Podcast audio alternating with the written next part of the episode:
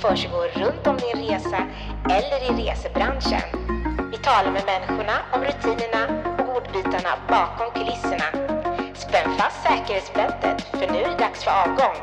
Vi på Passagerarpodden önskar dig en trevlig resa.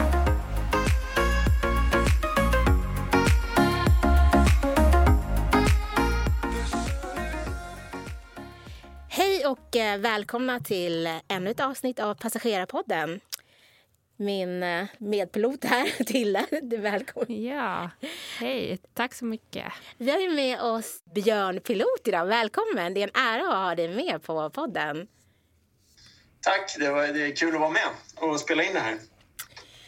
Eh, Det är många som reser naturligtvis och så ser de inte kanske alla som är med och eh, hjälper till under deras resa. Bland annat piloter, flygvärdinnor. De, de träffar ju kanske inte alltid piloten, eller hur? Eftersom att ni sitter där framme.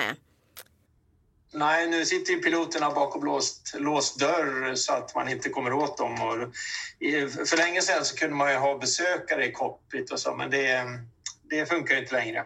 Men vad det handlar om det är ett jättestort lagarbete och det är ett väldigt trevligt lagarbete med många, många människor inblandade. Precis, det vet vi för att det, vi har ju vi vet ju också att eh, många, på, om, man, om man ska ta från passagerarna när de åker från A till Ö tillbaka, fram och tillbaka så är det ju många som gör deras resa som de kanske inte träffar, tyvärr. Som gör att deras resa blir fantastisk. Eh, så vi skulle vilja ha let, ja, gå lite till grunden här med eh, dig som pilot eh, och lära känna dig. Och låta era lyssnare också känna dig. Så vi tänkte vi skulle börja med att ställa några frågor här så vi får lära känna dig bättre. Ja, Ja, det går bra. vi kör med några tio snabba frågor. Eh, åker du helst öster eller västerut när du reser? Eh, Ja, det, det är en klassisk fråga. Nej, alltså, eh, omväxlande. Men nu, nu har jag ju slutat flyga, men, men eh, om vi pratar om vad jag gjorde helst, så gillade jag omväxling och inte bara åt ett håll och en destination hela tiden. Så om jag får frågan vilket är min, vilket är min favoritdestination så är det eh, varje olika destinationer från gång till gång. Det är mycket mer omväxling. Det låter ändå rimligt, tycker jag. När du själv är eh, passagerare, då, åker du helst på en weekendresa eller en solsemester? Eh, ja, igen då. Det är jädra dåliga svar jag ger. Både och faktiskt. ja, men ibland en lång, längre weekend då kanske till någon stad och eh, om jag har mer tid eller mer ledig och sådär, en längre solsemester i så fall. Kanske speciellt på vinterhalvåret tycker jag det är gott att få lite sol och värme och så. Ja, verkligen. Det är jobbigt att behöva välja en egentligen. Eh, åker du helst med charter eller reguljärflyg när du reser på fritiden? Det varierar också. och nu, nu är de där diffusa svaren igen. Nej, men jag, bor, jag bor i Båstad och eh, här i sommar så var det, gick det charterflyg från Halmstads flygplats. Och är- Halmstad ligger bara en, det är en halvtimme bort från där jag bor, så det är extremt Mm. praktiskt. Så då åkte vi till Kreta eh, via Halmstad. Då. Men sen nu finns det inte så många resor då, utan nu då blir det tåg till Kastrup och, och lite längre solsemestrar då kanske. Bokar du hellre en billig flygbiljett där det inte ingår så mycket service eller en lite dyrare flygbiljett där det är, ingår mer service och lite högre kvalitet på servicen? Eh, jag går nog mycket på pris, men jag brukar lägga mycket jobb på att leta billiga flygbiljetter. Det kommer ju kampanjer lite då och då, så jag, jag flyger hellre. Jag har ju jobbat för SAS då och jag flyger eh, gärna med SAS och då, då är det kampanjer ibland, till exempel eh, såna här eh, lågpriskampanjer och de brukar jag plocka. Sen är jag Eurobonus-medlem också. Jag var nog en av de allra första Eurobonus-medlemmarna. Så de eh, poängerna brukar jag resa för. Ja, det är bra. Spara lite pengar på det liksom. Reser du helst business eller ekonomi? Ja, det blir nog... Om det är eh, bra Eurobonuspoängpris på, på business eller på plus eh, för, för SAS då, då har jag nog tagit någon sån resa ibland för att det är ja, lite bättre. Men annars är det ekonomi eller ja. ja. Det känns som det är många som passar på liksom att ta ut sina poäng i businessbiljetter liksom, och passa på att resa business när man kan göra det med poäng. Ja, ibland är det ju samma pris på, på plusbiljetterna som på ekonomibiljetterna. Alltså samma pris i poäng. Och då det är klart man tar en plusbiljett då mm. för samma pris. Verkligen. Bokar du helst eh, Airbnb eller hotell när du är ute och reser? hotell, skulle jag vilja säga. Ja hotell med eh, till och, åtminstone frukost, med en bra frukost. Den där frukosten, hotellfrukost gillar jag ja. jättemycket. ja, det kan göra en, ens dag, alltså. en bra ja. start med en bra hotellfrukost. Omelett och, och bacon och, och grönsaker och sådär. Alltså, det är riktigt bra. Ja. ja. Reser du helst med bara handbagage eller incheckat bagage? Ja, incheckat bagage, helt klart. Ja, samma här alltså. Vill du helst ha gott om tid på flygplatsen eller så lite tid som möjligt? Nej, absolut gott om tid. Ja. Och då kan man gå i loungen. Ja, det är trevligt. Och eh, sitta där och vänta på sin flight. Det, alltså det gillar jag verkligen. Och nu sist åkte vi ner till Kastrup och så gick vi till loungen och käkade frukost. Och det var allt möjligt som fanns, yoghurt och äggröra och allt möjligt. Dansk frukost, Jätte, jättebra Vad härligt. Vill du helst ha en gång eller fönsterplats på flyget? Ja, helt klart fönsterplats. sist, eh, senast satte jag upp eh, GoPro-kamera med 360 i fönstret och så gjorde jag en timelapse. Och så jag klippte ihop en film och la på min Youtube-kanal. Björn, Pilot heter ju den kanalen. Så, och så la på musik. Alltså jag gillar jättemycket att göra videos. Det, mm. det tycker jag är jättekul. Så mm. såklart jag vill ha fönsterplats då. Ja, ja. det förstår jag. Ja. Går du helst ut och äter på restaurang när du är ute och reser eller vill du ha room service till hotellrummet? Nej, restaurang. Olika restauranger eh, för olika kvällar, gärna. Det är bra. En del av upplevelsen känns det som. Ja, det är det. Men sen, sen kan jag också tycka och köpa lite vin eller någon öl och så bröd och ost och lite skinka och sitta och äta enkel lunch på stranden. Det gillar jag jättemycket. Ja, ja det kan vara mysigt. Nu när vi vet då, när vi fått lära känna dig lite vad du tycker när du själv är ute och reser som passagerare. Vi skulle vilja veta lite om hur kom det sig att du just, lite just om dig, hur kom det sig att du blev pilot, vägen dit? Ja, alltså jag, min far var nog flygintresserad. Men han blev aldrig pilot. Eh, han blev lärare och rektor på en skola. Men eh, det smittade nog eh, det här flygintresset så jag började segelflyga när jag var 15 år. Och då fick, man alltså, fick alltså flyga ensam i ett segelflygplan som 15-åring och det, det var en stor upplevelse. Ja. Och sen fortsatte det här flygintresset. Jag var tekniskt intresserad också, så jag läste på flygteknik på KTH och sökte sen flygvapnet som flygingenjör. Mm. Så jag har en militär karriär. Jag flög Viggenplan på 80-talet. Är det vanligt att många piloter har en sån bakgrund? Alltså just inom flygvapnet eller har gjort det innan? Eh, ja, då var det vanligt på 80-talet, men nu är det inte alls vanligt för det är så få militärpiloter nu så att det, det, det räcker inte alls till civilflygets behov. Men på den tiden var det det. Och sen, var, sen var ju kalla kriget slut så att det blev mindre och mindre flygande då i flygvapnet. Så för att fortsätta flyga mycket så var jag helt enkelt eh, tvungen att byta till en civil karriär. Och då började jag på SAS 1985 och sen och sen var jag det tills jag slutade för ja, ett och ett halvt år sedan. Eller vad. Lång karriär. Ja, precis. Det är en jättelång karriär. Mm. Om vi ska ta förklara en dag på jobbet. För det är många som undrar, vad gör en pilot? Vad är liksom... Vad gör, förutom att du sitter där framme och flyger flygplanet. Det är ju liksom inte bara att gå dit, sätta sig och flyga utan det är ju en hel förberedelse också. Kan du berätta lite om hur en vanlig dag kan se ut?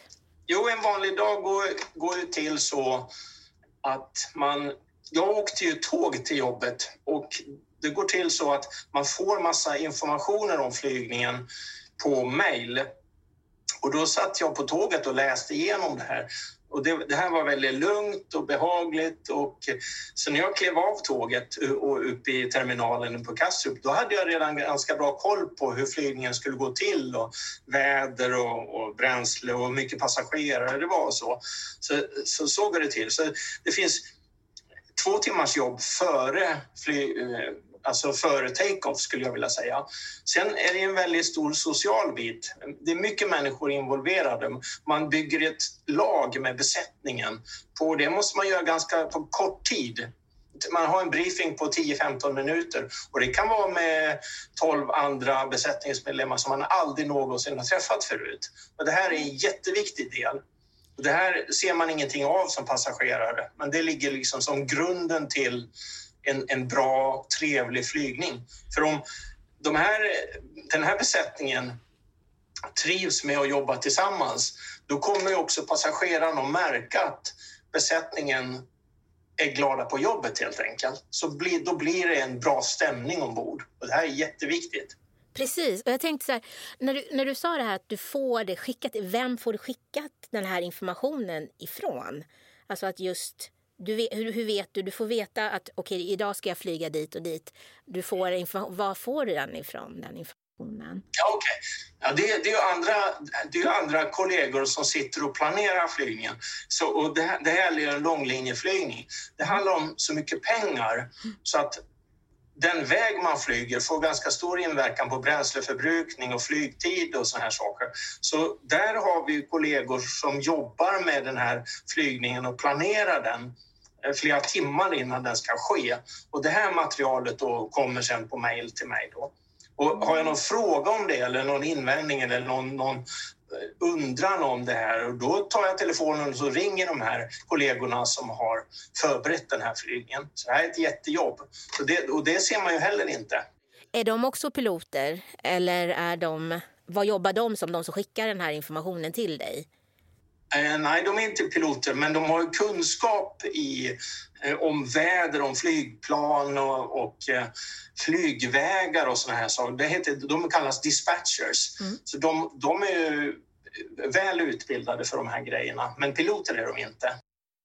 Ja, det är ju sånt som inte alltså en vanlig passagerare vet om. Sen när du kommer till flygplatsen då och bygger ditt team, mm. vad händer då? Och då Ja, då har, man, då har man en briefing och när man pratar lite, man går igenom om eh, ja, väder, flygtid, om eh, hur många passagerare det är och några speciella saker på den här flighten. Då, va? Och det, är, det är den som är så viktig, och, att ha en bra, bygga en god stämning där. Sen går man ju då ut i flygmaskinen och då finns det ju eh, kollegor som jobbar i gaten och de hälsar man ju på. Man bygger, utvidgar det här teamet eller det här, det här laget som jobbar tillsammans. Och sen har vi många som jobbar runt flygmaskinen. Man har personal som städar det, som tankar det, som är tekniker och fyller olja och som någon som kollar vingarna från is, kör traktor. Och, så det, det är säkert 30-35 personer som är in, inblandade i varje flygavgång. Och det, mm. här, det här tror jag inte man vet Nej. som passagerare rent generellt. Och sen, nej, Många precis. som jobbar bakom kulisserna. Ja, det, liksom. och det är det vi försöker få fram här då. Att liksom, mm. vad, vad varje individ gör för att eh, bidra till en bra resa för passagerarna. Haft föredrag om, om det här hur man, bygger, hur man bygger ett lag i, för andra branscher. Då. För att det, andra eh, företag och, och branscher kan lära sig saker från flyget. Det här att hur man bygger ett lag väldigt snabbt. Och, det, och där, eh, I det här föredraget då så tar vi upp till exempel att det finns ingen som är viktigare än någon annan. Alltså det, blir, det blir inte fluget någonting om ingen städar flygmaskinen eller om ingen tankar den eller ingen. Så det handlar inte om att någon är finare än kaptenen är inte finare än någon annan eller viktigare. Det är det att man har bara olika roller i det här. Kaptenen har en roll och den som tankar planet har en, en annan. Liksom. Och, och alla behövs. Och, och, är det någonting här som fattas så blir det ingen flygning. Precis. När du kom, men sen jag tänkte, när du kommer ombord, sen när ni har gått ut till flyget och eh, kommer ombord, och vad händer då? Så vad gör du som kapten då? Alltså, Ja, som kapten brukar jag ta och gå ner och ett, ett varv runt flygmaskinen och hälsa på de kollegorna jag ser. Till exempel kan det vara tre, fyra, fem kollegor som lastar flygmaskinen och om man då ska ha 20-25 ton lass så är ju deras eh, jobb väldigt viktigt och då, då visar jag eh, uppskattning för deras jobb. Och, jag tycker det är också väldigt kul, liksom, för det blir kontakt, som kontakt mellan människor också. Ja. Och om inte de blir klara med den här lastningen i tid, då kommer inte flygmaskinen att åka på tid. Och det handlar om flera tusen kronor per minut för en försening. Så deras jobb är Oj. otroligt viktigt. Mm. Det vet man nog inte om som passagerare att det, att det kostar så mycket för en försening. Och vem, vet, vem, vem betalar förseningen till? Alltså vem får bolaget betala förseningen? Det, är ju det att, det blir, att det, man måste flyga fortare. Mm om man, om man kommer sent iväg så måste man flyga fortare, då drar planet mera bränsle. Mm. Och sen så kanske det är passagerare som inte kommer med sin anslutande flygning. Mm. Då får bolagen betala det. Så det liksom finns massa kostnader med det. Mm. En hel inställd långlinjeflygning, det rör sig om 5-6 miljoner svenska kronor. Oj. Så mycket pengar är det. Så det är, mm. Därför är det här att bygga ett lag så att alla drar åt samma håll så man kommer iväg på tid. Mm. Det är så oerhört viktigt. Ja. Just det. Och även av, av miljöskäl då, för att eh, alla tjänar ju på att maskinen drar mindre bränsle. Då kommer man ju fram till destinationen med mera reserver och det är ju alltid bra att ha. Jag vet ju, här du, du pratar lite om miljöskäl. Jag vet ju att både bland annat eh, bra och SAS har varit väldigt tidiga i sina gröna flygningar, just inflygningar. Ja, alltså grön inflygningen startade, alltså jag tror man höll på med, det var nog minst tio år sedan. Det handlar om att man flyger, att man glid, flygplanet glidflyger på tomgång hela vägen ner till landningsbanan. Och behöver man inte gasa då så drar det mindre bränsle naturligtvis. Och då, då, får man, då planerar man det här hela, hela inflygningen för att, för att den ska vara så optimal som möjligt. Och då, det sparar ju bränsle, vilket är bra för miljön. Precis. Eh, och sen då, när du, när du välkomnar sen när ni har välkomnat passagerarna ombord, vad, vad gör du då? Ja, innan det så, mm. så, drar man ju, så startar man upp maskinen. Det är ja. liksom fullproppat med, med datorer i cockpit. Mm. Och de här sätter man igång och programmerar, ska man säga. Man, man, räknar på vilka farter man ska ha när man startar. Och det, det här går man, när man har byggt laget, då, då sätter man igång med de här eh, grejerna med, med maskinen så att säga. Och de i kabinen, de, eh, stewards kollar maten, att det är lastat som det ska vara, att det inte fattas någonting. Och eh, flygvärdinnorna till exempel kollar att all nödutrustning är, eh, i sin ordning. Och sen blir det klart för boarding och då, kom, då startar man boarding. Och det, det tar ju sin tid att båda passagerarna, eh, ombordstigningen då så, och efter det så hälsar man välkommen. Ja. Ja. När jag tänker på det du, de uppgifterna som du sa, det, det är de ni programmerar datorerna med? Ja, kan man säga. Ja. En del laddar man ner via mm. internet eller via, andra system som heter Acars, sådana här kommunikationssystem. Som, så, så går det rätt in i datorn på flygmaskinen. Men det ska ju också kontrolleras att det, att det är riktigt och att det är rimligt. Så det här lägger man ganska mycket... Man, man skickar bara inte in det i datorn utan att kolla det. Liksom. För det, det skulle inte funka. Vad är en A-cars för kanske inte våra passagerare som vet det? Det är en slags, eh, om man säger, ja, det är ett slags kommunikationssystem som är, som är liksom inte som internet, men, men, men, det är på ett annat sätt. Som, och det funkar över Atlanten och, och satelliter och via satelliter och sånt här. Som ett separat flygkommunikationssystem. Mm. Men flygmaskinen har, tar in saker via internet också.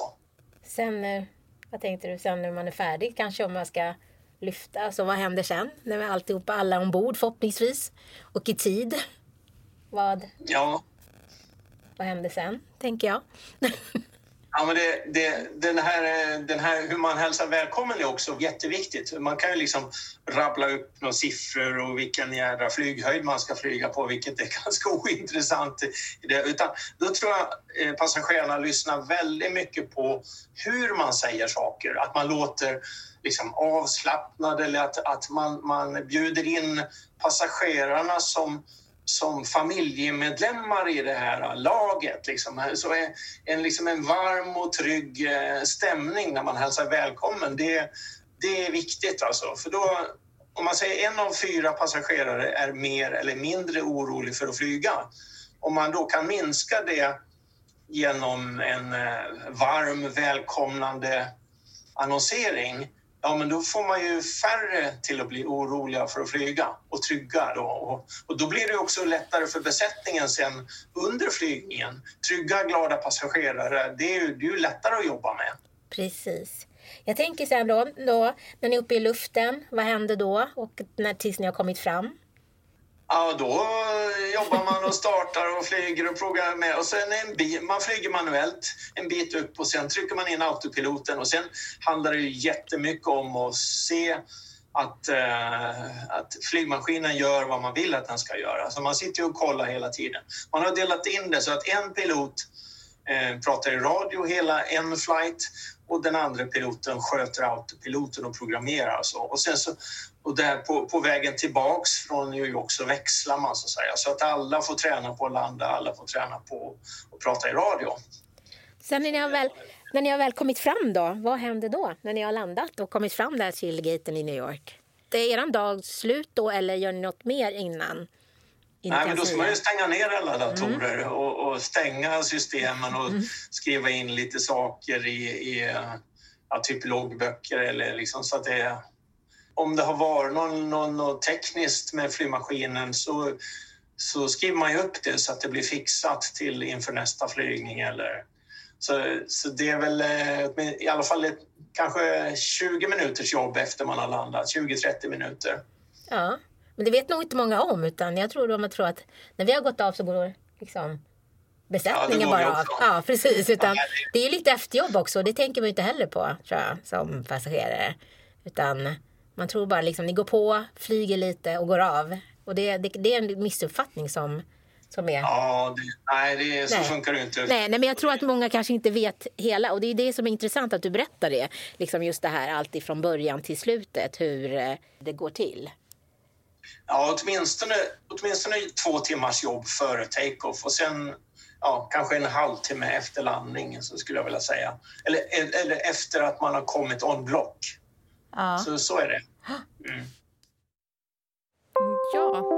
Vi tänkte höra om du har några restips att dela med dig av till våra lyssnare. Dina tre bästa restips. Ja, eh, det är att eh, komma i god tid och, så här och, för, förbereda sig och eh, liksom så att det inte blir någon stress det är lätt att säga då, att man ska komma i god tid. Men, ja. men jag, jag, tycker, alltså jag gillar det jättemycket ja. att vara i god tid, så jag bara kan njuta. Sen eh, ett, ett tips, eh, kanske lite knasigt tips, men se till att titta ut väldigt mycket när ni flyger. Ja. För att se vad vackert det är. Man kan se andra flygmaskiner, man kan se moln, man kan se soluppgångar, solnedgångar. Och, och det är sådana saker som man bara får se när man kan se när man sitter uppe i ett flygplan. Precis. Ja, det är sant. Det var jättebra tips. Ja. Då får vi tacka för den här gången Björn att du var med. Det var en ära att med dig här och att du berättade och eh, ja, förklarade saker som inte många vet om. Tack så hemskt mycket för din medverkan för Passagerarpodden och vi ses snart igen. Tack. Tack, hej då. Tack så mycket. Hej. hej. Välkommen fram till din destination. Hoppas att du haft en trevlig resa med oss. Vi här på Passagerarpodden vi tackar så hjärtligt för oss och önskar dig varmt välkommen åter till vårt nästa avsnitt.